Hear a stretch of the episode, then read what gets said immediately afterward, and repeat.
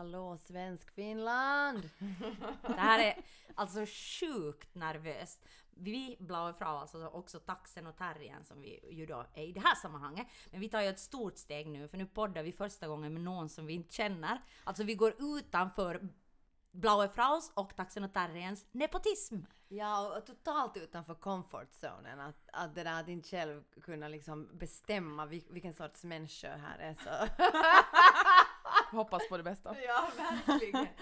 Här är den fantastiska eh, Josefin Fri, Ja. som alltså... Nej men, Sonja! På riktigt! Jag vet, jag vet. Ja, no. Sorry. Alltså, och Josefin, vi är jätteglada att du är här för att vi fick 37 ansökningar på Ja. vem som ville podda med oss. Wow! Och vi valde dig. Det är, jag är, jätte- det är jätteroligt att vara här. Men jag är också jättenervös. Dels för att jag inte heller känner er. Så här, det går ju åt båda hållen Det är liksom. sant. Så att, Men du har också en egen podd, eller jag hur? har det ja. Som Yes. heter... Fina flickor håller käft. Just det, så den ska ni alla lyssna på. Ja, absolut. Yeah! Yeah. Alltså idag är vi hos Sonja och det känns ju väldigt konstigt för varenda annan podd så har vi gjort hos mig och jag kan berätta varför vi är hos Sonja. För igår när Sonja ringde, eller jag ringde till Sonja igår och så började jag gråta och sa att jag kan inte ha människor hos mig för här är så stökigt. Och jag, och jag kan inte städa för att jag orkar inte. Men det var ganska fint för det var sådär lite ombytta roller för det är ofta jag som liksom börjar gråta i, i sådär konstiga sammanhang och skriker att jag inte orkar och att ingen får komma hem till mig för då, då kommer jag att få en panikångestattack. Så jag kände bara såhär, okej det enda jag sa var Don't worry, Joanna vi är hos mig. Don't worry, sa jag på engelska. Ja, och jag var liksom, men vi kan vara någon annanstans. Vi kan ringa förlaget om vi kan vara där. Om du känner dig obekväm och ha människor hemma hos dig. klart, det är klart att jag känner mig obekväm med att ha människor hemma hos mig.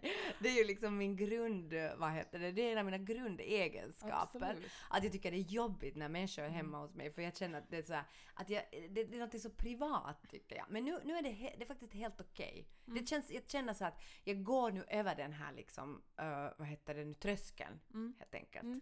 Men, Men- hur kändes det att komma hit? Kändes det ovälkomnande?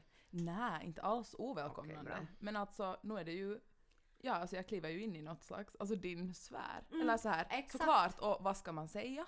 är ju en fråga, alltså så här, när man kommer in, hur ska jag fint här är, för här är jättefint såklart. Men det blir också så här, vad fint, oj fin kopp, fin lampa, fin. Ja. Det finns liksom inga andra adjektiv i Nej, den jag situationen. vet. Fast man menar det. Det är som med barn, jag tycker det är svårt att säga annat än oj vilken fin, till Ja. flickor, oj vilken fin klänning du har, oj vad du är söt eller oj vad du är duktig. Det är jättesvårt att Ja. hitta någonting annat att säga. Ja, och sen finns det ju Verkligen. den där förväntan också, att du ska göra det. Ja, Men jag menar, jag har alltid det där att jag går och tittar på folks tavlor, liksom för att jag, min mamma är- är bildkonstnär, så jag har liksom alltid vuxit upp med att det första jag gör när jag kommer till folks hem är titta på deras tavlor.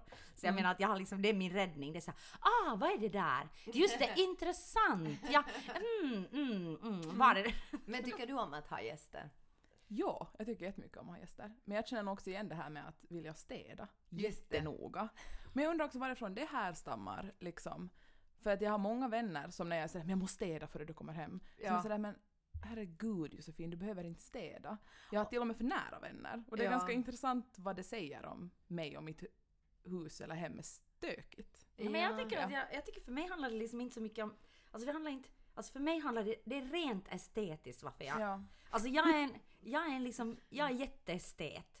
Och jag menar när det, när det är roddigt liksom hemma hos mig, det är sådär att och ska någon komma hem till mig första gången? Så handlar det helt liksom estetiskt om att ska de se det här kaoset istället för att se mitt hem?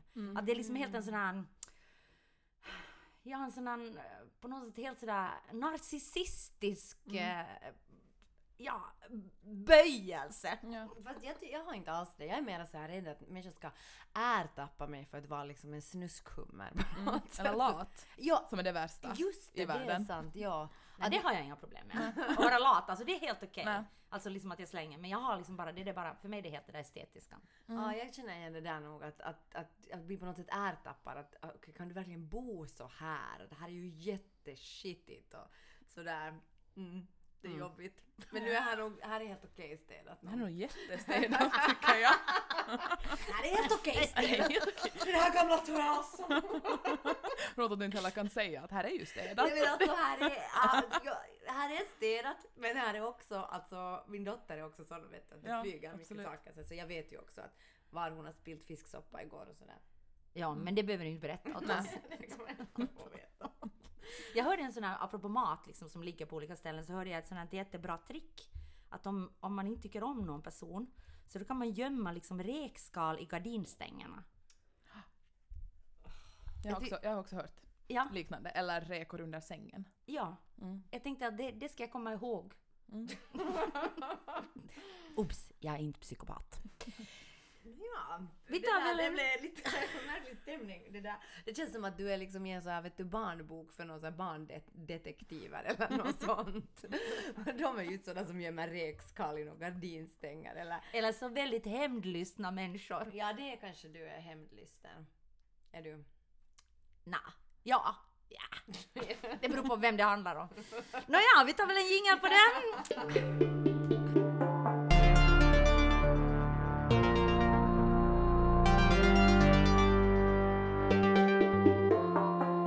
Taxenotarien, taxenotarien, taxenotarien, taxenotarien, taxenotarien, taxenotarien, taxenotarien, taxenotarien.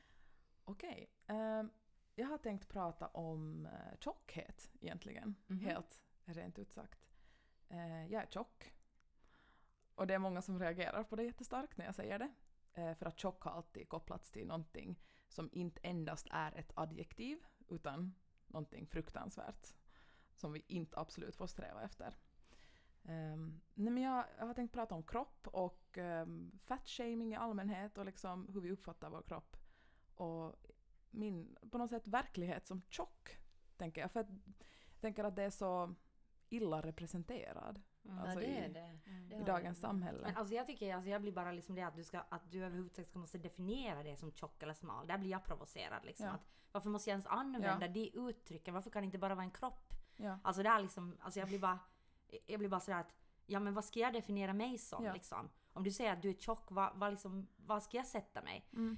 Nå, jag är, alltså jag vet inte. Nej. Och, det, och då blir jag liksom bara helt sådär, jag blir helt, eh, alltså det, det är så svårt, liksom hela det där Absolut. begreppen. Och det- Liksom, och jag vill inte överhuvudtaget ens tänka på de här sakerna och ändå gör jag det jättemycket. Ja, och det provocerar många. Dels för att många kanske inte heller... Jag tror att alla kvinnor har nog en syn på sin kropp och saker att kritisera och saker att analysera. Helt säkert. Helt säkert. Det tror jag. Det, det är så internaliserat. Exakt. Alltså, det, det är någonting som jag tror att det är liksom en, en, en issue för alla. Ja. Jag blev, när du sa att du är tjock så tänkte jag så här, oj nej, nu, nu har jag ingen aning om hur jag ska reagera. Nej, nej, jag så, vet. så tänkte, Ja. jag tänkte så här, jag, jag vet inte om, om jag ska liksom tycka att det är bra eller dåligt. Alltså jag hade, så jag bara tänkte att jag måste bara lyssna nu för att jag har ingen, liksom, jag har ingen vetskap Men jag om... tycker det är samma sak, att jag menar du kan ju säga ibland såhär åh vad jag är ful. Och du brukar, eller liksom Ja. sådana saker. det Eller, borde jag inte säga. nej, och då, det. blir, och då reagerar då brukar jag aldrig vara såhär nej du är Nej. inte ful. Liksom. det Nej men alltså jag menar att, att det skulle kanske vara den reaktionen liksom som, som att jag menar om någon säger jag är tjock så ska jag säga nej herregud du är inte tjock. Men jag menar att jag tycker inte att det är det som är grejen. Absolut inte. Nej, nej, och jag tycker det också, handlar ju också om rätten att definiera sig själv. Ja. Att om du säger så här att jag är tjock så är det ju, tycker jag du har, det är liksom, du är ju din fulla rätt att definiera dig själv på det Ja. sättet om du vill det. Och erövra det ordet, tänker Exakt, jag. Och att, ja. och att använda det själv Mm. är också en makt i sig. Att Mm. kunna ta, nej jag är tjock, Mm. men jag är också snygg. och jag är också attraktiv. Mm. Jag kan vara fler saker Mm. samtidigt. Mm. Och det är väl det att många inom liksom fat acceptance eller body positivity Mm. eh, använder just tjock som någonting de erövrar. Mm. Ja, Och det tycker jag är så, ehm, det ger mig mycket kraft. Mm. jag förstår. Ja. Ja. För att jag tycker liksom att ordet tjock för mig, det är ju, det är ju så precis som du säger, att det är ju jättenegativ Mm. klang. Det är liksom någonting som är otroligt komplext liksom för mig. Så jag menar att, att det är liksom sådär att ja, och det är därför jag blir sådär redan att eh, eh, som, som du sa att jag var såhär, Mm. eh, nej, nej, eh, ja, Ja. mm, mm. Och det är nästan värre just om någon säger att nej men du är inte tjock. Ja. Mm. För då är det så här, ja fast om jag skulle beskriva mig själv så skulle jag beskriva mig som tjock. Men om du säger att jag inte är tjock så då säger du att det är någonting fel på att vara tjock. igen. Exakt, ja, Ja. ja. jag förstår. Så det och då väl- blir det så här verklighetsförskjutning också för, för en själv. Jag förstår. Mm. Nej, men det där med att jag att jag är så full, jag, jag borde verkligen sluta med det. Jag, jag, det, jag, måste, jag måste ta det med min terapeut. det är jättedumt därför för att, men det handlar tror jag mest om en sån här Eller det är som om jag säger att jag är jätte... Alltså jag menar, det är ju liksom vad du... Eller om du alltså det handlar ju om definiering av dig själv. Tjock, snygg, ful. Exakt. Liksom att du sätter en stämpel och hur ska jag reagera liksom med... Alltså, Men tycker du inte, men okej, men nu måste jag säga så här. Om jag skulle säga här, gud jag är så snygg. Så skulle du inte ändå tycka att det är bättre än att jag jo säger- förstås ska jag Ja. tycka att det är bättre Ja. att om du säger att du är snygg, jag är jätteglad för din skull att du tycker att du är snygg. Men att jag menar att jag skulle inte, fortfarande så ska jag inte reagera på Nej, det. nej, jag skulle det. inte vara sådär att Åh, om inte du frågar mig en direkt fråga. Joanna, tycker du jag kan ha de här kläderna? Mm. Ja. Då kan jag säga att ja, jag tycker du kan ha de där kläderna. Mm. Eller nja, sätt på dig någonting annat.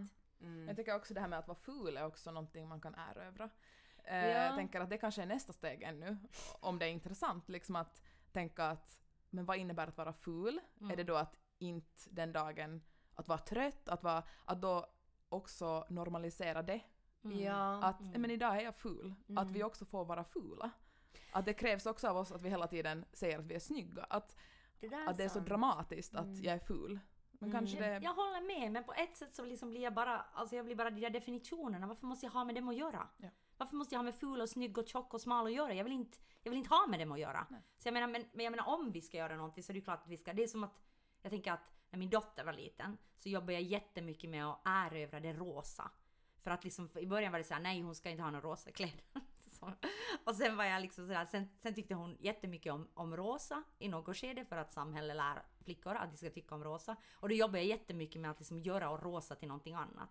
Liksom. Och det var ju att erövra ord, eh, rosa. Liksom men jag, jag, jag kämpar med det där hela tiden. Ska vi, ska vi erövra saker eller ska vi liksom bara göra nya definitioner? Eller ska vi bara strunta i definitioner? Oh, nej, jag förstår, jag förstår vad du menar. Jag förstår helt vad du menar. Men jag tycker det är svårt för det är ju ändå ett språk som vi, måste, alltså, som vi använder. Men det är ju klart att vi kan ju välja att, jag kan ju till exempel välja att säga ett ord som ful liksom, och använda det i en negativ bemärkelse. Och då, då, liksom, då gör jag ju ingenting annat än återupprepa liksom, gamla mönster. Men jag har ju gjort ett val att jag, säger, ju, jag säger aldrig att jag är ful eller snygg. Nej.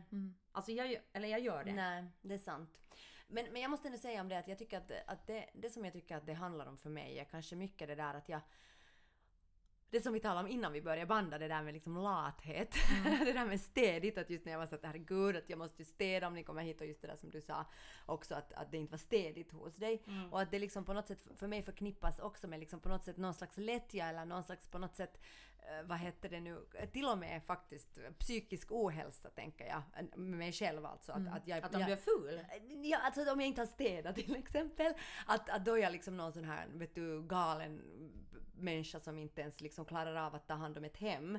Alltså det är på något sätt att jag är liksom helt Men vad har det med ful Nej men jag, på något sätt så tror jag att jag intuitivt förknippar det också med att jag måste kunna ta hand om mig själv. Liksom. Men jag tänker att det har också med tjockhet att göra. Ja. Eh, att, eller att lathet, jag tänker att den tjocka kroppen också representerar någonting som inte passar in i vårt, vår kapitalism liksom. Mm. Att lathet är också lika med icke, jag har ingen självdisciplin, jag har, jag har inga mål med mitt liv, jag är korkad. Alltså allt, hela den bilden finns ju av tjocka. Att lathet är också någonting som jag försöker erövra. Ja. Att, ja men vad bra att jag är lat, att jag kan erkänna det. Mm. Eh, för att det är det som samhället vill att jag inte ska vara. Det är det som jag alltid ska sträva mot. Mm. Att vara smal dels, men att också vara effektiv. ja, produktiv. Ja. Och om jag är tjock så då representerar jag någonting som är icke-produktivt. Det betyder att jag sitter på soffan hela tiden. Det är det som människor ser när de ser tjocka kroppar, tror jag, ganska långt. Man sitter på soffan och man tillåter sig att äta vad man vill och det finns någon sån här tillåtelse att släppa på. Kontrollen? Ja, ja exakt. det tror jag också. Ja. För det är ju helt, det är ju, det finns en sån här video på, på, på sociala medier som snurrar av en sån här eh, kvinna som, är eh, som yogar, som inte är trådsmal. Och det där, eh, och, och den har ju varit helt sådär, alltså typ helt revolutionerande. Att titta att en människa som inte är anorektisk kan yoga. Och jag liksom, jag blir helt sådär att jag, jag blir helt galen av den här videon för jag fattar så att hur kan, eller liksom att det är så, det är så vidrigt. Bodies look different. Ja exakt, det är så vidrigt att det ska vara så att det är en sån jävla contradiction. Det är att en människa liksom ser ut på ett visst sätt och sen beter sig på ett sätt. Alltså att hur kan vi vara så enkelspåriga som människor? Att vi tror på de här liksom enkla på något sätt lösningarna. Smal, hälsosam. Mm. tjock, eh, på något sätt sjuk. Ja, eller liksom. ohälsosam. Ja. Liksom, och det hänger ju också ihop med hälsa att, att man tror ju inte att en tjock kropp kan vara hälsosam. Mm. Det är också en, en av de största myterna mm. eh, någonsin känner jag. Och det är också hela den här body positivity-rörelsen har försökt erövra att, att hälsa ska inte heller värdera dig. Det, det sätter inte ett värde på dig. Eh, för att det är ofta så här att ja men bara du är hälsosam. Mm. Om du är tjock och hälsosam så är det okej. Men om jag är tjock och ohälsosam så är det inte okej. Nej. Och det är också intressant tänker jag. Eh, Och att det väcker så mycket, för jag tänker att du satte upp några bilder på den här, en sån här grupp på Facebook med finlandssvenska feminister. Där det var icke-normativa kroppar liksom i, i olika poster som var fotograferade. Och jag tänker de reaktionerna som kom, det blev en jättehäftig diskussion speciellt. Och det första som kom var liksom att det här är ohälsosamt. Och jag känner igen den här reaktionen för att jag gjorde det också för några år sedan. Satte upp bilder liksom av icke-normativa kroppar som en konstnär hade jobbat med dem. Och jag menar det första som kom var sådär, men hur kan du sätta upp de här bilderna? Att, att det är ju som att förespråka liksom att, att folk ska leva ohälsosamt. Och tänkte att, att det är nu inte det, är nu inte, det, är nu inte, det, är nu inte det jag gör. Men det är så oerhört provocerande. Ja, det är att hur kan det vara så sjukt provocerande? Ja. Men det är just tror jag också för att, att där har vi en kropp som då gör vad den vill. Alltså Mm. om jag hela tiden håller på min kontroll, jag försöker hela tiden att gå ner i vikt och vara smal och hålla kontrollen på något sätt, att passa in i samhället och sen ser jag en kropp som dessutom njuter och som är glad Mm, och som är tjock. mm, Det måste ju skapa ot- otroliga känslor hos Mm. människor som hela sitt liv har kämpat mot att inte bli tjocka, att inte Mm. tappa kontrollen. Mm. Tänker jag. Men jag, tänker, jag tycker det är jätte liksom, det har ju också på det där, jag, jag har nu fastnat i det här fulheten här, men alltså det har ju med, alltså det har ju på ett sätt, jag tycker att det är jättedubbla känslor också därför för att jag tänker att att nu, nu är jag på det sättet, nu har jag liksom en sån, på ett sånt liksom internaliserat på ett sätt kan vi väl säga kvinnoförakt då, att äh, i, i mig själv att jag tänker att mitt värde också ligger i mitt utseende. Och det är väl där på något sätt som, som liksom, det är väl det som är problematiskt. Att jag, att jag liksom, eh, hur mycket jag än vet och, och kan och läser och, och så vidare så tänker jag ändå att, att mitt värde på någon slags liksom sexuell marknad i en liksom jätteheteronormativ kontext då så, eh, så, så, så bygger också på det att, uh, alltså att det, eh, så bygger det helt enkelt på vissa skönhetsideal. Och jag tycker det är jättesvårt att, att liksom själv på något sätt eh, komma bort från dem. Att eh, till exempel så, jag har liksom helt, alltså grått hår, mitt hår är helt, det har ingen, alltså det, jag blev gråhårig när jag var 19. Och jag har liksom helt såhär, nu när jag börjar närma mig 40 så har jag ett så jätte liksom kval att att ska jag låta det växa ur men när jag, jag tycker att det är så fult. Alltså jag tycker att jag inte passar Men det har väl inte att göra med att du börjar närma dig 40? Jo, det, har, det har väl att göra mycket med liksom det där, sorry att jag nu, men har Nej. inte att göra liksom också med att grått är jätteinne nu? Liksom att folk och pratar om det, men du alla borde ha grått hår och så liksom har du grått hår, men vad har det med 40-åringar att göra? Nej men det har Tänker du det... nu har börjat bli gammal så nu ska jag ha grått hår liksom? Ja, jag tänker att nu är det väl liksom mer sådär eh, normalt att jag skulle kunna ha det. Att som 19-åring var det ju helt sådär, det var ju helt sjukt. Och Alltså, det där provocerar mig sjukt mycket. Nej men för att du liksom tänker så ålders, liksom att, att nu är jag den åldern, då måste jag se ut på ett visst sätt och klä mig på ett Nej, jag visst sätt och mig på kan ett jag, visst då kan jag se ut Men jag menar det är ju, det är ju vad heter det, 19-åringar som färgar sitt hår grått. Ja, ja, ja, nu vet jag det men... Ja, jag vet inte. Ja, ja, nåja, okej, okej. Ja, jag bara tänker... Ja, kryp till skampålen. Nej! På riktigt. Varför ska jag krypa Men till för att, för att du liksom tänker på, på ålder liksom så otroligt linjärt. Att det är liksom att, att nu är jag 40, du är gammal. Det är nu jag kan ha grått hår liksom. Att vadå, finns det vissa... Är det, är det liksom, när du tittar på mig då så tycker du att vissa kläder kan jag inte ha mer, eller vissa saker kan jag inte ha mer på grund av att jag närmar mig 40. Nej, jag tycker inte men jag tänker med mig själv att nu närmar jag mig 40 så nu skulle det kunna vara helt okej att ha det där gråa håret. Jag skulle kunna bära det med någon slags stolthet. Ja men varför kan inte du bära den som stolthet när du är 20? För att jag inte ville det. Nej men ja, ja exakt, det handlar ju om ville. Det handlar om att grått hår just nu är inne. Att därför liksom börjar du fundera på det. I kombination med Agree to disagree. Nåja, Jag vet inte riktigt vad vi pratar Nej, om nu men okej. men oklart. Men jag börjar tänka på den manliga blicken också Mm. jättemycket. Jag tänker att du pratar om det här med skönhetsideal och liksom, men allting som, alla, allt som har med vårt utseende att göra som vi synar och som alltid ska förändras så tror jag, för mig härstammar det mycket från den manliga blicken. Mm. Att vara sexuellt åtråbar Mm. och att vara knullbar framförallt Mm. liksom. Eh, och då tänker jag det finns en forskning som har gjorts, nu har jag inga siffror på det. Jag, Nej, jag det älskar är alltid Det är helt i taxonotäriens ja, anda. jag älskar att säga att jag har en Ja. forskning och inte har några källor, det är fantastiskt. Google it! Ja, Ja, exakt. verkligen. Eh, som säger, de har liksom gjort forskning om olika datingappar och olika Tinder. Eh, vad som är männens största rädsla när det kommer till första dejten och vad som är kvinnors största rädsla när det Mm. kommer till första dejten. Och eh, kvinnornas första rädsla är att de ska bli dödade. Som är- På riktigt? Ja, ja, eller att de ska råka illa ut, att de ska bli misshandlade eller dödade, liksom, ja, bli skadade på något sätt. Medan kvinnornas första, äh, männens första rädsla är att tjejen ska vara tjock. På riktigt? Ja, ja, ja, och det här tycker jag säger så Alltså om du är på mycket. blind date då på något sätt? Ja, eller, Tinder-date eller egentligen eller- Tinder, du ser Ja. bara ett ansikte. Så är männens rädsla att oj nej, tänk om hon är tjock, liksom, tänk om hon är överviktig medan kvinnorna är rädda för att bli dödade. Och jag tycker det säger så oerhört mycket om vårt samhälle. Det där är så äckligt. Mm, det är Men- jätteäckligt. Men, men, men, men, men okej, jag tycker bara att, att Åh nej. För jag tänker alltid så här att det är inte så hemskt som det verkar. Nej. Jag har googlat in det helt jättemycket då. Mm. PGA, olika orsaker. Och det där. och det där. Och så tänkte jag bara sådär när jag, att men så här, alltså det här är bara de extrema fallen som finns liksom på nätet. Men alltså det är så. Eller det är liksom, det här alltså, det är just någon den här forskning. men- forskningen som jag inte har. nu. Nej, nej, men det är just bra. Okej, okej. Jag tänker att min största rädsla faktiskt, om, nu, om, jag, om jag skulle gå på en tinder dejt Mm. min största rädsla skulle vara att det skulle vara så tråkigt.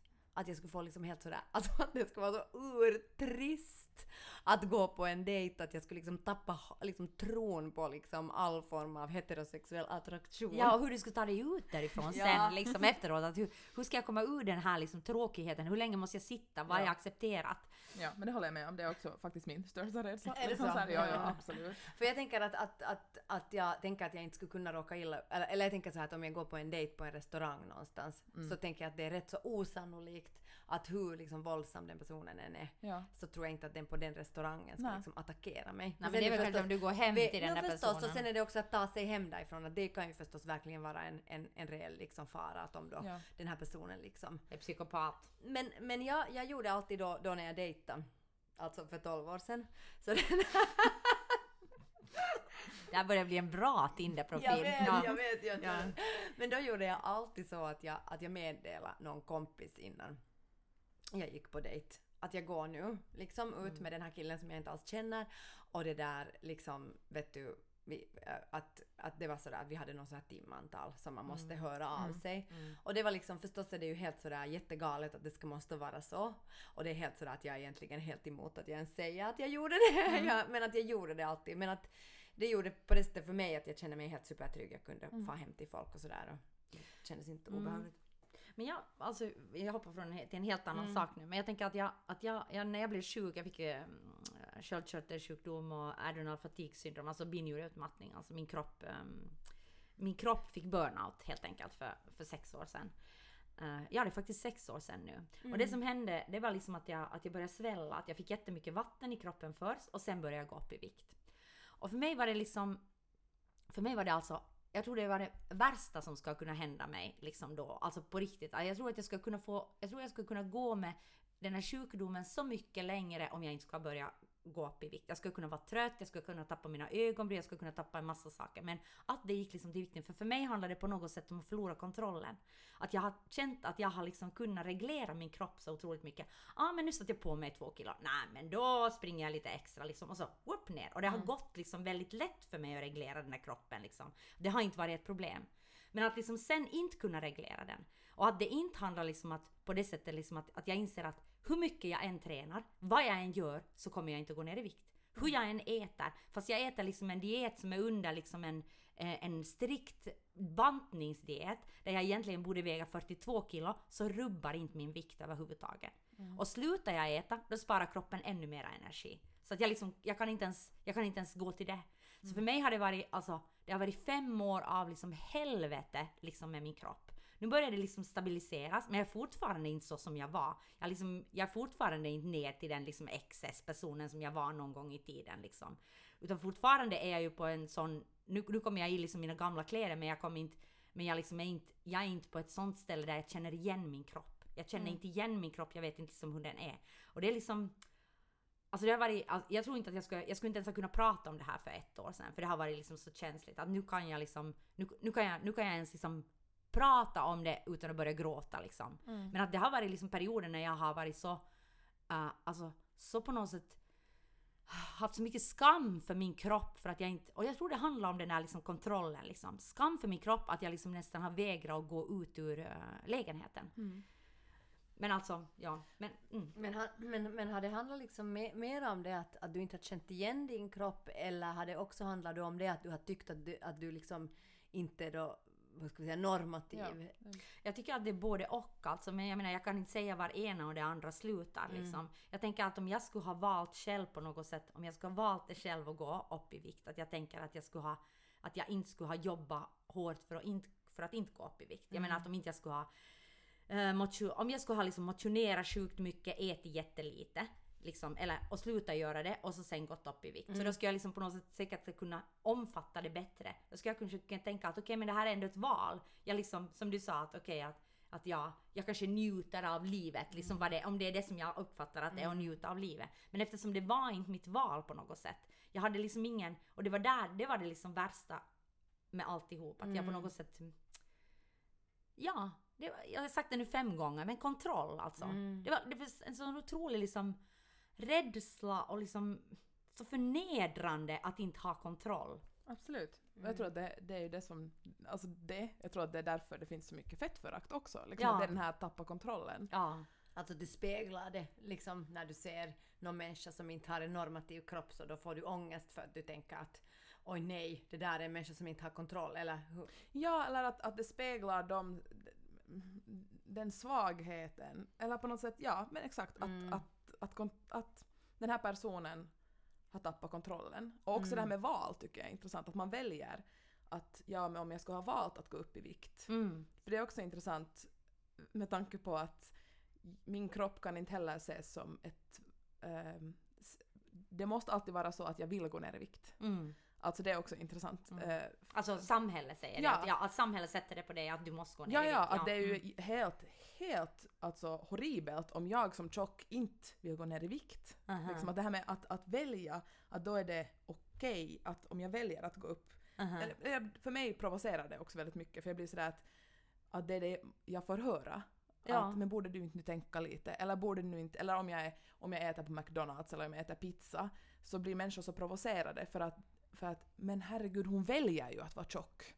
Liksom. Hur Jag kan någon förstår. välja att vara Jag tjock? förstår. Men är det Ja, inte jag liksom jättemycket genetiskt? Alltså, Ja. så har jag åtminstone för att jag Jo men det är ju, ja, ja. Alltså också Mm. med, med liksom åldrande och liksom, vad heter det, eh, just vikt och sånt. Att, att inte det är väl så jättemycket som vi ändå kan. Nej men får jag ännu bara prata om det där Ja. valet så tänker jag bara att valet för mig handlar om det att välja liksom i motsats till hur jag har kunnat styra min kropp tidigare. Ja. Förstår, förstår Jo, ni skillnaden? Att, liksom att, att jag har levt ett liv där jag har kunnat liksom styra den helt och, liksom, och så sen lever jag ett där jag inte kan påverka något. Så på det sättet val, förstår ni Ja, vad jag menar? och, då blir också kontrollen mer eh, extrem. Ja, liksom. ja, ja, Ja. ja, Och jag, annars också så tror jag liksom att det handlar liksom mycket för mig om kontroll. Att, liksom att jag, jag kämpar jättemycket med liksom kaos kontra kontroll liksom i allt jag gör. Mm. Jag hade, jag hade liksom eh, motsatt... Jag jag har liksom efter att jag eh, fick barn så gick jag ner i vikt. Alltså sådär kanske att jag var, jag var liksom i flera år, kanske ännu, ännu för ett par år sedan så var jag kanske, jag skulle säga att jag var ungefär fyra kilo. Liksom, det är ganska mycket. Alltså under så att säga min, min liksom min egen liksom, så att säga normalvikt. Mm. Det, var, det var också, det var liksom förstås, det här, jag ska inte, jag säger inte någonting om det för att det, jag, jag vet inte så mycket men att jag, men att det var, det var helt enkelt, jag tror att det var en reaktion att min kropp blev helt otroligt stressad av dels av att föda barn, dels av att ha barn och dels av att amma. Så det bara hände tror jag exakt liksom, kanske tvärtom vad som hände med din kropp liksom. Men att nu är jag på något sätt, nu är jag ganska nära, jag är liksom tillbaka till en, till, till liksom en sån kropp som jag känner igen.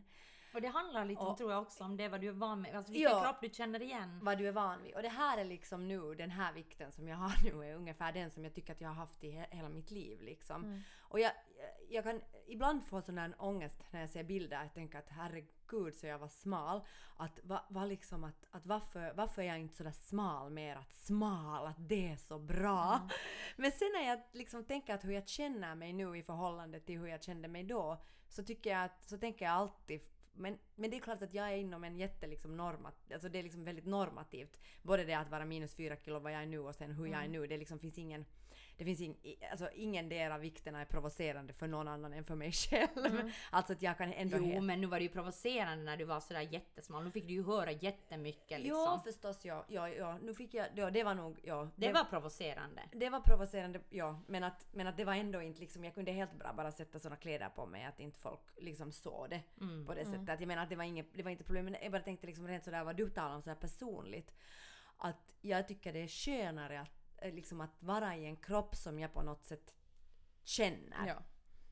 Och det där det är också jätteintressant för jag har, det är den senaste året har jag fått en bild av min kropp. Tidigare har jag inte känt igen min kropp. Jaha. Och det är också intressant, jag vet inte om det har, det har säkert med, också med att göra med min vikt liksom. Eh, att det finns någonting att jämföra med. ja. Och att, ja det här är intressant, det har jag inte tänkt på så mycket innan men att, att jag har alltid, jag har aldrig vetat hur jag ser ut. Liksom, eller sådär, jag har alltid haft en förvrängd bild av hur jag ser ut. Det finns inte sådär att ah, så, här, så här har jag sett ut och här är det som är före och här är efter. Just det. Och det är också tror jag för att jag har vägrat se på min kropp. Mm. Okej. Eh, för att det finns också ehm, forskning som jag inte läser på nu. Fantastiskt! Som är att desto mer du ser på en kroppsdel desto mer tycker du om den. Aha. Och det är ganska intressant liksom att desto, mer, desto vanare du blir med den kroppsdelen så desto mer tycker du om den. Mhm. Och det är också intressant med att jag inte har sett på min kropp så mycket. Men tycker du om din kropp nu? Kan du Ja. säga att jag tycker om min kropp? Eh, ja, absolut. Och ibland inte. Nej. Eh, Men det finns ändå, det finns ändå liksom dagar eller liksom stunder när du tycker om din kropp. Alltså mestadels tycker jag om min Ja. kropp jättemycket. Fantastiskt. Ja, det är också fantastiskt. Men jag tänker också, för det har jag också tänkt på, att det finns också ett måste inom den feministiska rörelsen att älska sin kropp. Ja. Och det tycker jag också är ganska snävt på ett sätt. För varför ska vi måste älska våra kroppar? Det är som, det är som ett sånt här ultrakrav på att du måste älska din kropp. Börja med att älska dig själv. Men hur liksom. ska vi kunna älska våra kroppar så länge samhället och strukturerna ser ut som de ser ut? Ja, exakt. Alltså jag, jag, förstår inte, jag förstår inte att det är fel ändå att börja med. Det är igen bara att shamea kvinnorna Det liksom. blir dubbelbestraffning Ja, som, exakt. i, som i allt annat. Liksom att, att, att om du inte älskar din kropp så då, att för, alltså du ska ju inte älska din kropp i ditt samhälle för då... eh, Nej men då konsumerar du då inte. konsum- nej exakt.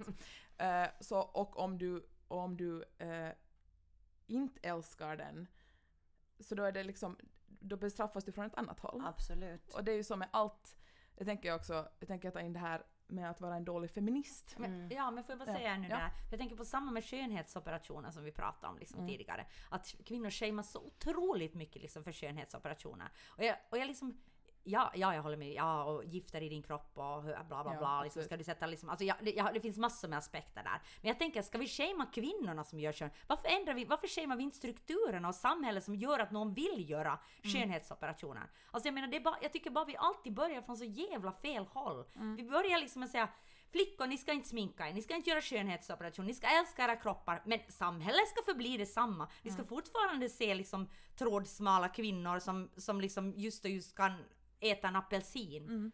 Ja. Nej, men exakt. Exakt, och där kommer också med smink och med att raka sig och med liksom alla de här grejerna där vi... Men vi, som sagt, som du säger, vi börjar från fel ända. Men där är det viktigt tycker jag att den feministiska rörelsen finns och stöder. Men att vi också inser att de handlingarna vi gör i vår vardag är antifeministiska eller har ett patriarkalt ursprung. Mm. Att, att sminka sig, att göra skönhetsoperationer, att vilja gå ner i vikt medvetet, att raka sig, Mm. det har ett patriarkalt ursprung. Mm. Men det betyder inte att jag som feminist inte kan göra det. Nej, exakt. Liksom. Och jag, jag menar, du, du måste ju på något sätt ändå, alltså, du, du, du lever ju ändå i det här samhället. Alltså jag kan inte liksom ställa mig, alltså vad ska jag ställa mig utanför det här samhället? Och liksom, det är så svårt för att du vet att okej, jag har vuxit upp i det här, men var börjar jag? Var slutar liksom det som har påtvingats mig? Alltså jag, jag tycker det kan bli... Det är sjukt komplicerat. Mm. Men mm, jag, jag håller med. Jag håller med om att det är komplicerat. Jag tycker att... Alltså... Mm, visst är det, visst är det, ja, jag tycker det, det, är liksom, det är hårt det du säger, att det är antifeministiskt att till exempel sminka sig. Alltså jag tycker det, alltså jag, jag menar att, jag tycker det är ganska jag blir helt sådär att ja, det är antifeministiskt men det känns liksom hårt. Det är hårt. Alltså att, att på något sätt... eh, Alltså det känns hårt att tänka sig att, att det där att... Att, eh, att det ligger på mina axlar. Men, men, men till exempel, jag, gjorde, jag har liksom till exempel uh, slutat raka mig. Jag tycker att det, det har varit... Och det har varit liksom en jätte sån här personlig liksom grej.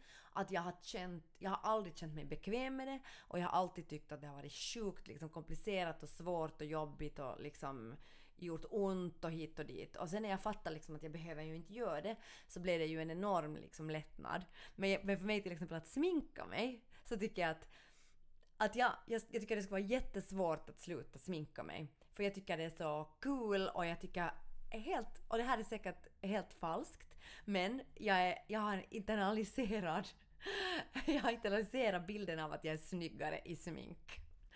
Men jag menar, du kan ju ändå, vara, du kan ju ändå gå vissa dagar helt utan smink. Jag går ofta utan smink, alltså absolut. Så jag menar, du är ju inte liksom sådär att du sminkar dig Alltså även om du ska göra det, det är skitsamma. Nej, men det är helt skitsamma. oväsentligt. Alltså jag sminkar mig ofta inte. Dåligt Johanna. Nej, Nej men det var dåligt. Nej men jag bara menar att, alltså, att för mig det spelar inte så stor roll liksom, om människor ser mig osminkad. Jag, jag, jag, har, jag har liksom alltid också varit Mm. helt osminkad. Men mitt problem är att jag tycker jag är snyggare i smink. Alltså jag tycker jag är hundra gånger snyggare Men det är ju samma mig. sak. Jag tycker jag är snyggare när jag är smalare. Mm. Alltså jag menar, och det är ju liksom hur, att jag tycker bättre om min kropp när den är smalare. Och det är liksom hur, jag vill inte att det ska vara så. Jag vill inte att, jag vill, jag vill att jag ska tycka om min kropp hur den än är. Jag vill inte liksom ha med de här sakerna att göra. Nej. Men det här, så här är det. Exakt, Ja. och då är det ju också viktigt just att se från vilket filter. Varifrån sipprar Exakt. allting ut? För att det är ju från det filtret att, jag, att du känner att du inte är, att du, är, du är snyggare när du är smalare och du känner att du är snyggare i smink. Det, det förstår jag, det är ju helt självklart. På något sätt finns det ju inte heller en annan väg i vårt samhälle. För det är ju från ett filter. Det är ju från det, det samhälleliga filtret som det kommer ut. Liksom. Mm. Och, där, och där tänker jag också på att erövra saker. Mm. Men smink är liksom en annan sak. För mig är det också eh, för mig är det provocerande att höra säga att du känner att du är snyggare när du är smal. Mm. Såklart liksom. Eh, men att fast det har ett antifeministiskt ursprung, som vi pratar med sminkande, så kan man erövra det. För jag tycker också att det är roligt att sminka mig. Men att vara medveten. Mm. Att, Men ja, det är men- ibland svårare tycker jag, att vara medveten. Ja. Alltså, det är det, som, det är det som gör hela problemet. Det är Ja. därför det blir ett sånt jävla stort problem för mig. För att jag är så jävla medveten om de här Ja. sakerna. Ja. Och jag vill inte ha det så. Nej. Jag vill inte tycka att jag är snyggare när jag är smalare. Jag vill inte tycka att jag är snyggare när jag sminkar mig. Ja. Jag vill inte liksom ha med de här sakerna att göra. Nej, och, det, och egentligen handlar det liksom inte om att du ska sluta tycka det, utan det handlar, eller det skulle vara den utopin, att vi alla Mm. ska bara gå runt och inte tycka någonting om att vi ser snyggare ut när vi är smalare, att vi är snyggare när vi är sminkade, Mm. men det går inte. Liksom i vårt samhälle, det är ju, det är ju en dröm. Mm. Men att kunna istället liksom, okej nu poppar den här tanken upp i mitt huvud, jag är snyggare när jag är smalare. Mm. Och sen bara, vad beror det på? Mm. och börja arbeta därifrån. Och där hitta sin makt som jag hittar Mm. i, min, i min kropp. Att hitta att, för jag tänker det där en gång per dag. Om Mm. jag bara skulle gå ner i vikt, om jag bara skulle liksom kunna bli smalare, smalare, Mm. smalare. Men där hittar jag makten att nej. Jag gör Mm. det här som ett statement. Eh, också. Min kropp Mm. är ett statement, vilket också är synd för min kropp ska alltid vara politisk. Min kropp Ja. är politik hela Jag tiden. Taxen och terriern, taxen och terriern. Okej, art lovers och book lovers. Bokpodden är tillbaka. Alltså egentligen, nu ska jag erkänna någonting. Egentligen skulle vi läsa en, en annan bok. Men vi var så trötta. ja men vi var så trötta för att jag är så fruktansvärt trött nu. Så vi sa att okej, vi läser nu en kortare bok. Men sen så hittade vi då den här boken. Mm. Och den är skriven av äh, Minna äh, Lindeberg och illustrationerna är gjorda av Jenny Lukander. Och den heter Vildare, värre, smilodon. Just det. Jag skulle säkert ha läst något annat som vanligt. ja, Lusander skulle jag ha sagt. Nåja, men i alla fall Smilodon. så handlar det om två tjejer som heter, eh, ena heter Anna och Sarri och den andra heter Karin Bergström. Och de, eh, de går i förskolan och är kompisar och eh, den här Annok Sarri är besvärlig kan man väl säga. Det är väl inte en tolkning, det är väl ungefär det som, som, som det handlar om helt enkelt. Att hon, hon får raseriutbrott. Och den här kompisen då gör ingenting egentligen för att då stå upp för henne utan hon jämförs då i boken med en vandrande pinne. Att hon är en sån som, sån som, smälter, som smälter, smälter, in, in i omgivningen. Medan då Sarri, om jag har förstått, förstått den här boken rätt, så är då en smilodon som är någon form av forntida kattdjur som är vildare och farligare än ett lejon. Mm. Och i något skede i boken så frågar du att vad, vad tänker du på Annok? An- Annok Sarri. Annok Sarri. Och då säger hon, jag tänker bara på skit. Men jag tänkte på det där liksom med att vara en, alltså en besvär, ett besvärligt barn och en besvärlig människa. Nej men att jag, jag kan ibland uppfatta mig som en besvärlig människa. Varför det? Nej men alltså jag... Jag tänker att jag... Att jag inte är konflikträdd. Och när du inte är konflikträdd och säger dina åsikter och säger till när du tycker saker är fel. Då uppfattas det i vårt samhälle, speciellt när du är kvinna, som att du... Som du tar för mycket plats, som att du är hysterisk, du är aggressiv och du skapar dålig stämning. Och då blir du besvärlig. Och därför så kan jag tycka... men varför har du inte slutat vara det då om det är Nej men sådär? för att jag tycker inte att jag är besvärlig. Aha, jag tänkte att om du har fått så negativ feedback på det. No, jag, Att du skapar dålig stämning. jag tror att jag får både negativ och positiv feedback på Mm. det. Alltså, det är att vara besvärlig. ja, på, på att vara besvärlig. Alltså jag menar, jag, jag tror inte att jag, jag provocerar inte för att provocera. Jag liksom söker verkligen inte konflikter. Men jag, verk, jag verkligen säger till när jag inte tycker om någonting. Mm. Och jag är väldigt rak att ofta så säga nej, det där, det där är inte okej. Jag sätter mina gränser supertydligt. Och, jag, och det är inte så accepterat som kvinna. Nej, och du tar ju plats i det, att säga dina åsikter och det provocerar ju Ja. säkert oerhört Ja. mycket. Liksom. Och jag, och jag gjorde det redan som barn alltså. Mm. Ehm, och, då, och då liksom blev jag ju förstås inskjutsad i det där att jag var en pojkflicka. Och då var det ju accepterat väldigt länge liksom när du är en pojkflicka som, är- som är besvärlig och säger tydligt vad du vill och stampar i golvet när du blir arg och får Mm. raseriutbrott. För det passar ju inte att, att bara vara en flicka. Som Nej. flicka kan du ju inte vara besvärlig. Nej, liksom. så jag liksom lotsade in mig i det facket. Mm. Jag blev lotsad och jag lotsade själv in mig i Mm. facket för att liksom kunna, kunna hålla kvar det liksom Mm. att jag... jag Men jag tycker det, det är liksom, det som den här boken på något sätt handlar om är ju hur de här, hur, hur det här liksom besvärliga elementet på något sätt plockas ut ur den här, Mm. den här gruppen, alltså den här Annok, Annok Sarri då flyttar bort från, från den här platsen och hon kommer inte tillbaka till, till, till den här förskolan.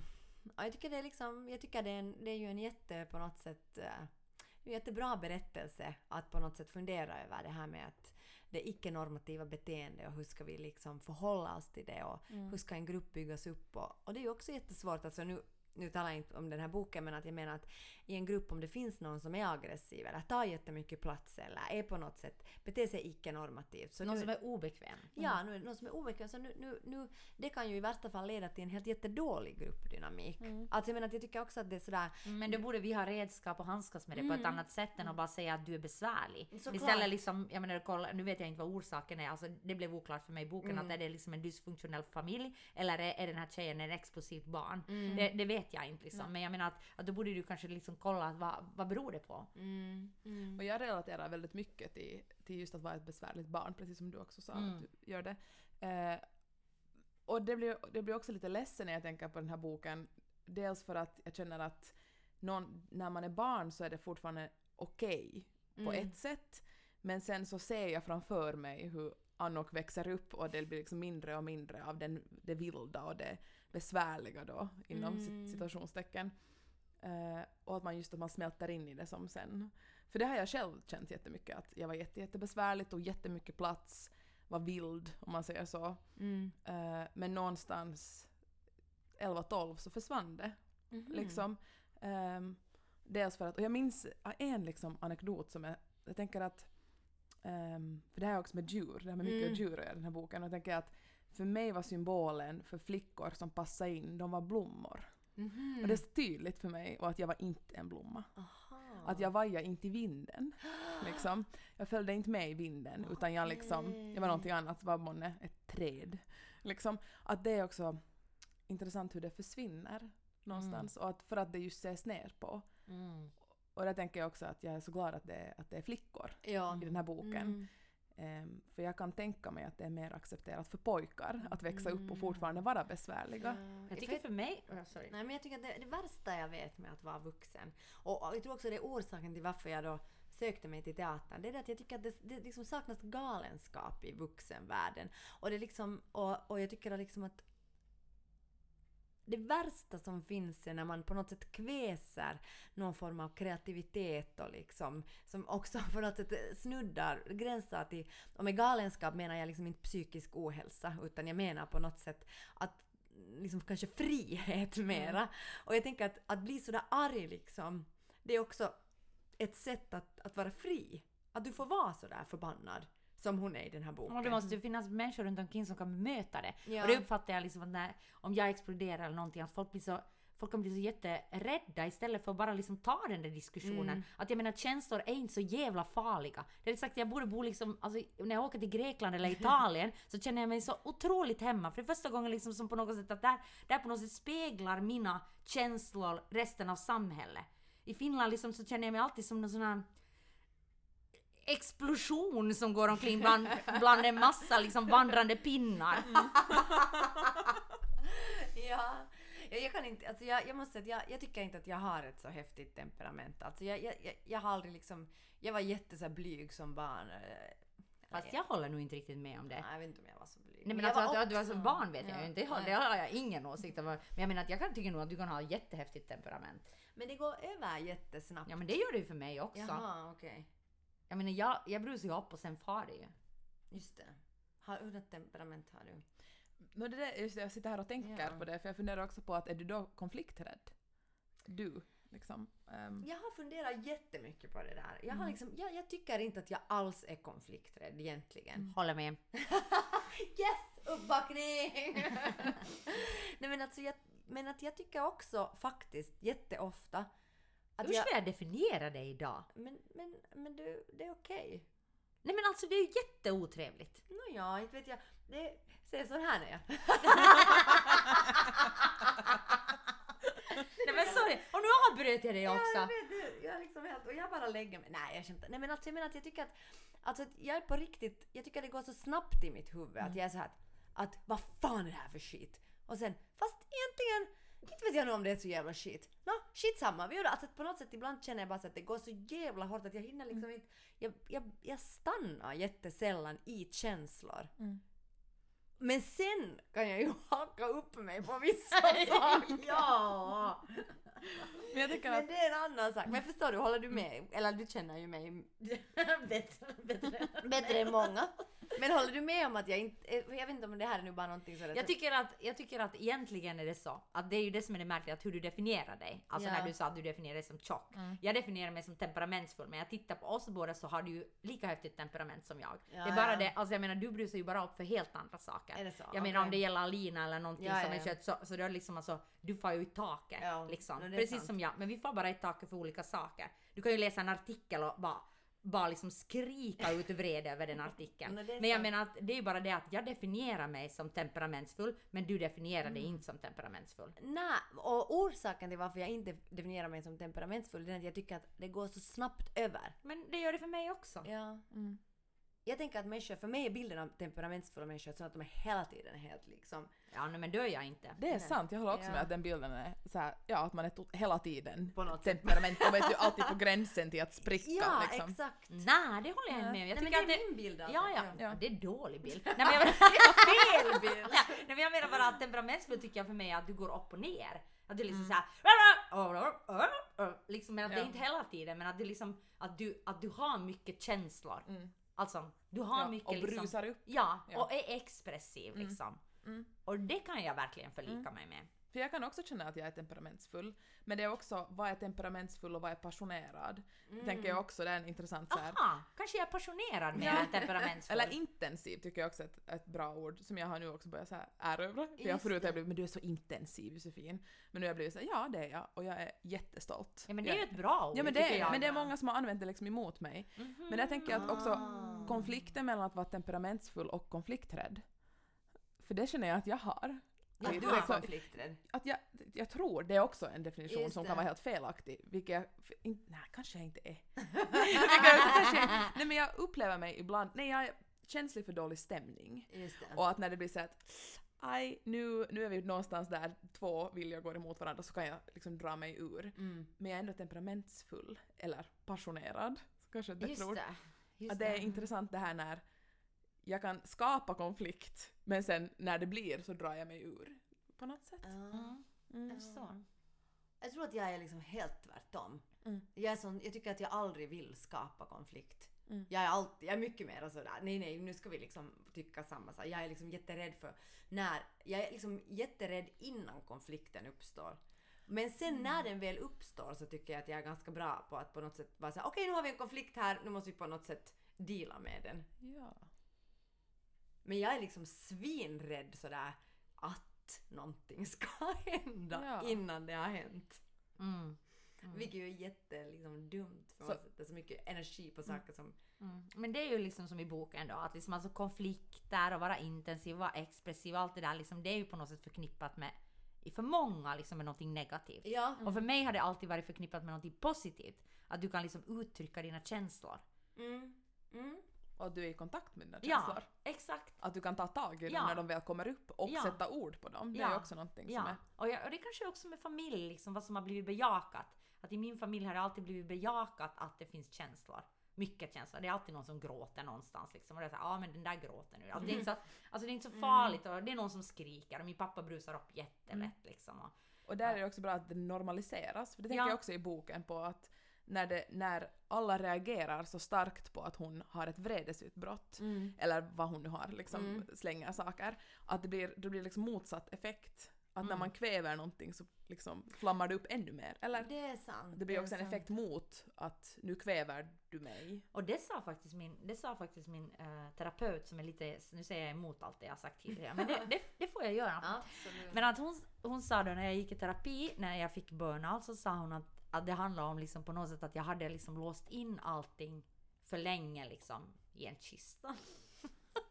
Fantastisk bild. Att jag låste in det i en kista och sen när kistan blev överfull så då exploderade det och då liksom fick jag burnout. Och, det, och jag kan hålla med om det liksom för att om inte du... Alltså, jag tror för mig handlar det om gränser. Om du lär dig att sätta gränser som jag har lärt mig nu.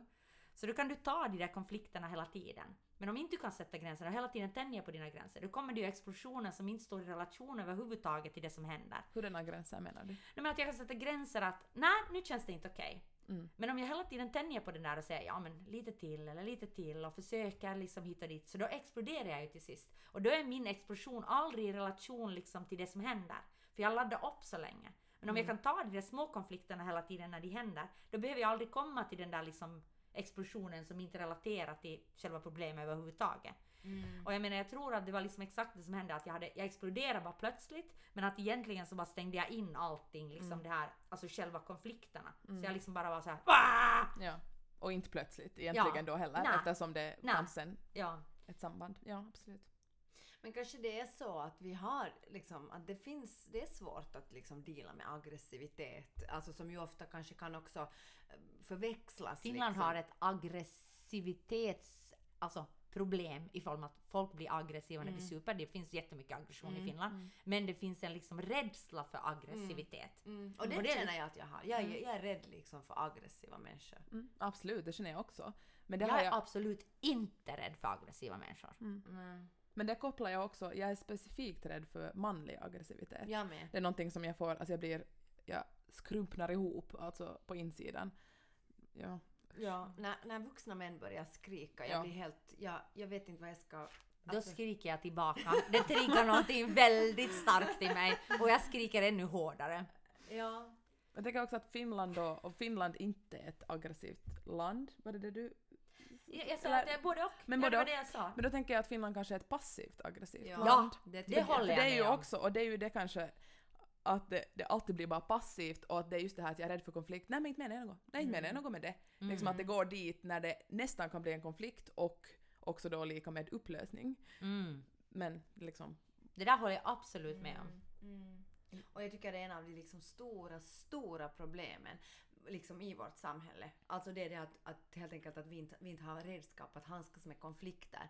Men, men sen är det ju det att, det att en, en människa är aggressiv eller skriker, det är inte en konflikt. Det handlar liksom om aggressivt beteende, så det är två liksom skilda saker. Eller det är väl det du kallar konfrontation Ja, då? det är väl Ja. då det som är konfrontation. Och det, det är jag jätterädd för, liksom konf- konfrontativa, om man kan säga så, situationer. Situationer där liksom, det blir liksom där två olika åsikter bara konfronteras. Men det tycker jag inte är en konflikt. En konflikt har liksom två på något sätt se, synsätt som på något sätt liksom Menar du, att en, menar du att en konfrontation liksom bara är känslor som möts? Ja, eller två olika synsätt som möts. Så som det är på Facebook sådär superkonfrontativt att någon sk- skriver att jävla den och den politikern är, är sån och sån och sen är någon annan. Men fan själv är du sån och sån. Nej men du är det. Alltså att det bara är liksom jättesåna, alltså det är bara två, två åsikter som bara liksom på något sätt slås mot varandra utan att liksom förändras. Och du menar en konflikt, vad är, vad är skillnaden då? I en konflikt finns det väl en rörelse och liksom på något sätt en, en vilja att mötas. Men kan inte en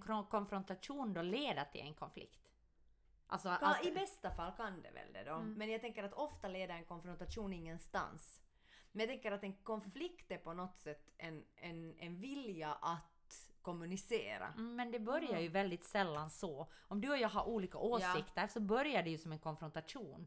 Då är det ju bara att du säger din åsikt så här, det tycker jag verkligen inte. Och sen sig, för sen har du ett samtal som utvecklas till en, till då en konflikt som då, som men då liksom... kanske det är det att, att, att jag tycker att mycket sånt här konfrontativt beteende och sånt aldrig vill liksom leda till någonting annat. Det är bara att du vill bara säga din åsikt. Alltså nu talar jag inte om dig.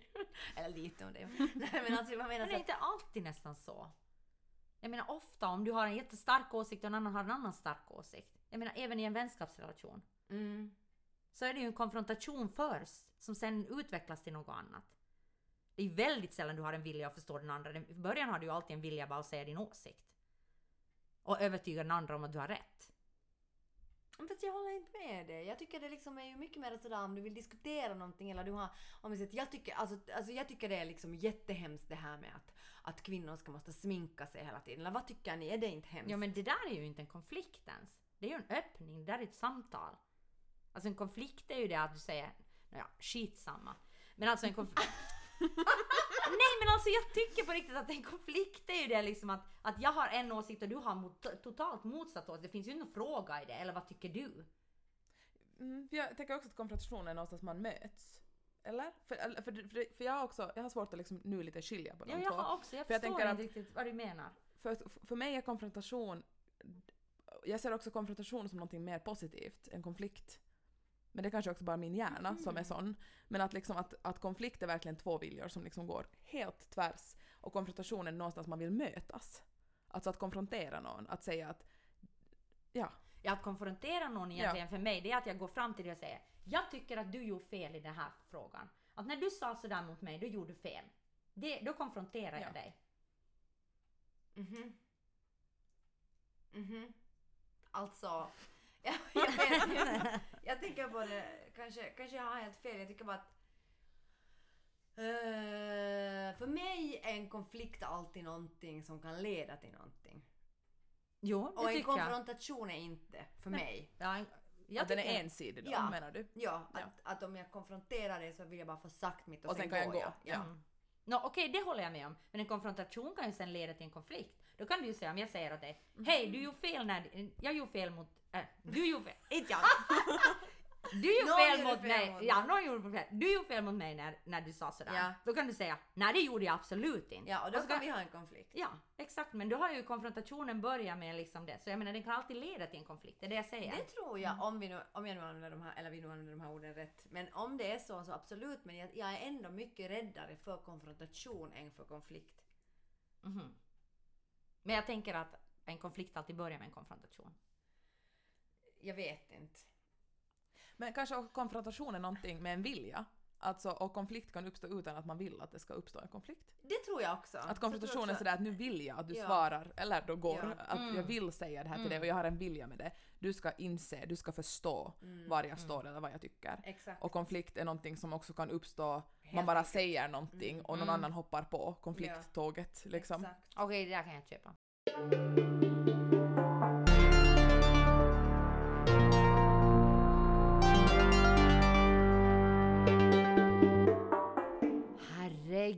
vad vi har pratat! Alltså jag menar vi har pratat och pratat, vi har liksom pratat om två ämnen och vi hade säkert tio på agendan. Mm. Så går det. Så går det när en har roligt. Ja. Men alltså Josefin, det har varit helt fantastiskt att ha dig här. Alltså ja, helt jättekul. superintressanta diskussioner. Ja, tack att jag fick komma. Ja. Va- verkligen Ja. intressant. Och vi har gått över någon form av tröskel och, och liksom poddat med någon vi inte känner. Fast nu känner vi dig. Lite. Lite. Lite. Vi, vi, vi kan inte säga att, jag kan inte säga att jag känner liksom alla sidor av dig. Nej. Nej. Men lite känner jag dig nu. Mm. Det är bra. Sen kan vi ju säga att ja, det är spännande tider vi lever i. Svenska Teatern ska få en ny chef. Just det! Ja. just Och det är ju alltså, jag menar speciellt, vi har, jag menar speciellt liksom för dig då som går på Teaterhögskolan. Ja. Så, alltså vad, vem kommer att bli chef där? Ja exakt, det är jätte, jag tycker det är jätteintressant. Jag Ja. hoppas det blir en kvinna faktiskt, Ja. jag säga. Jag hoppas att det blir någon som uh, vågar tänka lite utanför uh, normen och musikalerna. Ja. Ja, ja. Det ska vara jättebra. Ja. Men det, Mm. ja. Det, det är faktiskt, alltså Johan har ju suttit i evighet. Han har ju sagt det någon gång i någon intervju att han ska sitta där till Ragnarök. Så jag menar det är ju chock att han avgick då. Ja, det, och det kom ju otroligt plötsligt. Ja, att jag han tycker också det. Det, det är Mm. ju... Men ja, ja det, det, det spekuleras alltså hejvilt i pressen just nu. Och på Facebook. Ja, verkligen. Så att jag menar, vi får se vem som har rätt. Nu skulle det löna sig att göra någon vadslagning. Ja. Och kanske, tänk om, tänk om man skulle kunna vinna riktigt stora pengar och sen, sen det där dra sig tillbaka. Tänker du lämna mig nu? Absolut inte. Nej, men ha möjligheten att dra Ja. sig Lämna, tillbaka. möjligheten att lämna Ja, mig. exakt. Om jag blir för besvärlig. Du börjar bli för konfrontativ. Ja, och besvärlig. Jag har ju nu sagt att jag är en besvärlig Jag människa. är besvärlig och jag har sagt att jag är dysfunktionell. Ja. Det kanske jag inte ens sa men nu sa jag det. Jag tror det är bra att det här är sista podden. Ja, verkligen. Vi får se. Alltså Ja. det är faktiskt sista podden nu eh, 2016. Ja. Garanterat. Vi vet inte om vi fortsätter. Nej. Det är väldigt oklart i det här skedet. Eh, just nu behöver jag lite poddpaus känner jag. Jag behöver jättemycket poddpaus för jag känner att jag inte liksom är riktigt bra på att formulera mig som det kanske märks. Nej, podden börjar ju mer och mer bli din Tinder-profil. Ja, och det är också det. Att nu är det bara dags att ta det steget, gå ut i Tinder och liksom inte låtsas som att det här är en Tinder-profil. För jag kan säga, det har gett noll resultat. Noll gånger noll. Ja. Vet ni vad det är? Noll! Så mycket resultat har den här Tinder-profilen gett mig. Alltså noll. Men eh, du är rolig. Ja, tack och lov har jag åtminstone en bra egenskap. Mm. En gång sa du det om mig att galghumor Johanna, det är ett... Vad var det du sa? Nu minns jag inte ens vad du sa. Bäst att inte minnas det Nej, gamla. det är så här. Ja, Ja. Det, det är ett tecken på att man har börjat må bättre. Ja. Men Ja. det var verkligen lögn jag, jag har mått bra på tio år. Alltså noll, noll resultat. Okej, Men ja, det här är ju ett samarbete med förlaget. och eh, ett jättestort tack till förlaget som har tagit oss under sina vingar och låtit oss podda för dem. Det har varit jättefint och roligt och ett fantastiskt samarbete, speciellt med Andreas Svanbäck. Åh, Andrea, vi älskar dig. Ja, du är så bra. Bra helt enkelt. Du är så Ja. bra. Mm. Det är inte bra att vara bra. Det Jag skulle säga definition. Att vara vår fantastiska jingel som gör alla smartare enligt Lydia Bäck, Ja. eh, så den har gjorts av Systraskap eh, som är en elektropopduo från Sverige. Och vår logga har gjorts då av min eh, lover, Johan Isaksson. Eh, är det någon annan? Helen Korpak har tagit fotona. Just det! Bra! Josefin, är det någonting som du vill säga ännu? Har du någon liksom känsla för liksom vad som ska hända 2017 eller är det någonting som du önskar dig? Någon, något, någon förhoppning för framtiden? Någonting eller är du helt så att du har sagt allt? Nej, Alltså jag önskar att det blir ett bättre år framförallt än 2016. Ja. Känns som att det känns som Jaha, att vad var fel på så? det har väl inte hänt något? Jag håller helt med Ja, dig. ett skitår. Ett riktigt bajsår Ja, ett bajsår har på- 2016 varit på så På många alla fronter Ja. nästan känns det som. Mm. Så att, Mm, nu är det något bra som har hänt. Nu måste det finnas något bra. Mm, det, Ja. kan, det kan vi ju fundera på. Ja. Jag, jag håller med, jag tycker det är jättebra, det är en bra förhoppning. Att 2017 ska bli ett riktigt bra år. Och rib ribban är låg. Ja, verkligen. Det är sant! Men alltså jag tänkte ännu bara säga, eftersom det här är sista podden så har vi också möjlighet att göra reklam. Så jag tänkte säga att vi spelar vår elektropopkonsert på Korjamo söndagen den Sonja datum. Eh, wow! 18 i Artonde, 12. ja. Och det är faktiskt antagligen, det är alltså en elektropopkonsert gjord um, på basen av, alltså det är våra memoarer i en elektropopkonsertformat. Mhm. Och eh, den har alltså provocerat väldigt många. vi har fått mycket hat över oss, men också mycket kärlek. Mm. Men det är kanske sista gången att se den, så om ni vill ta er till Korjamo på söndag. Tack Josefin för att du kom. Eh, tack till alla som har lyssnat. Tack, tack, tack. Kärlek, kärlek, Kärlek för folket. Ja, ha det bra. Gott nytt år, god jul om ni firar sånt. Ha det bra. Hej då. Hej då!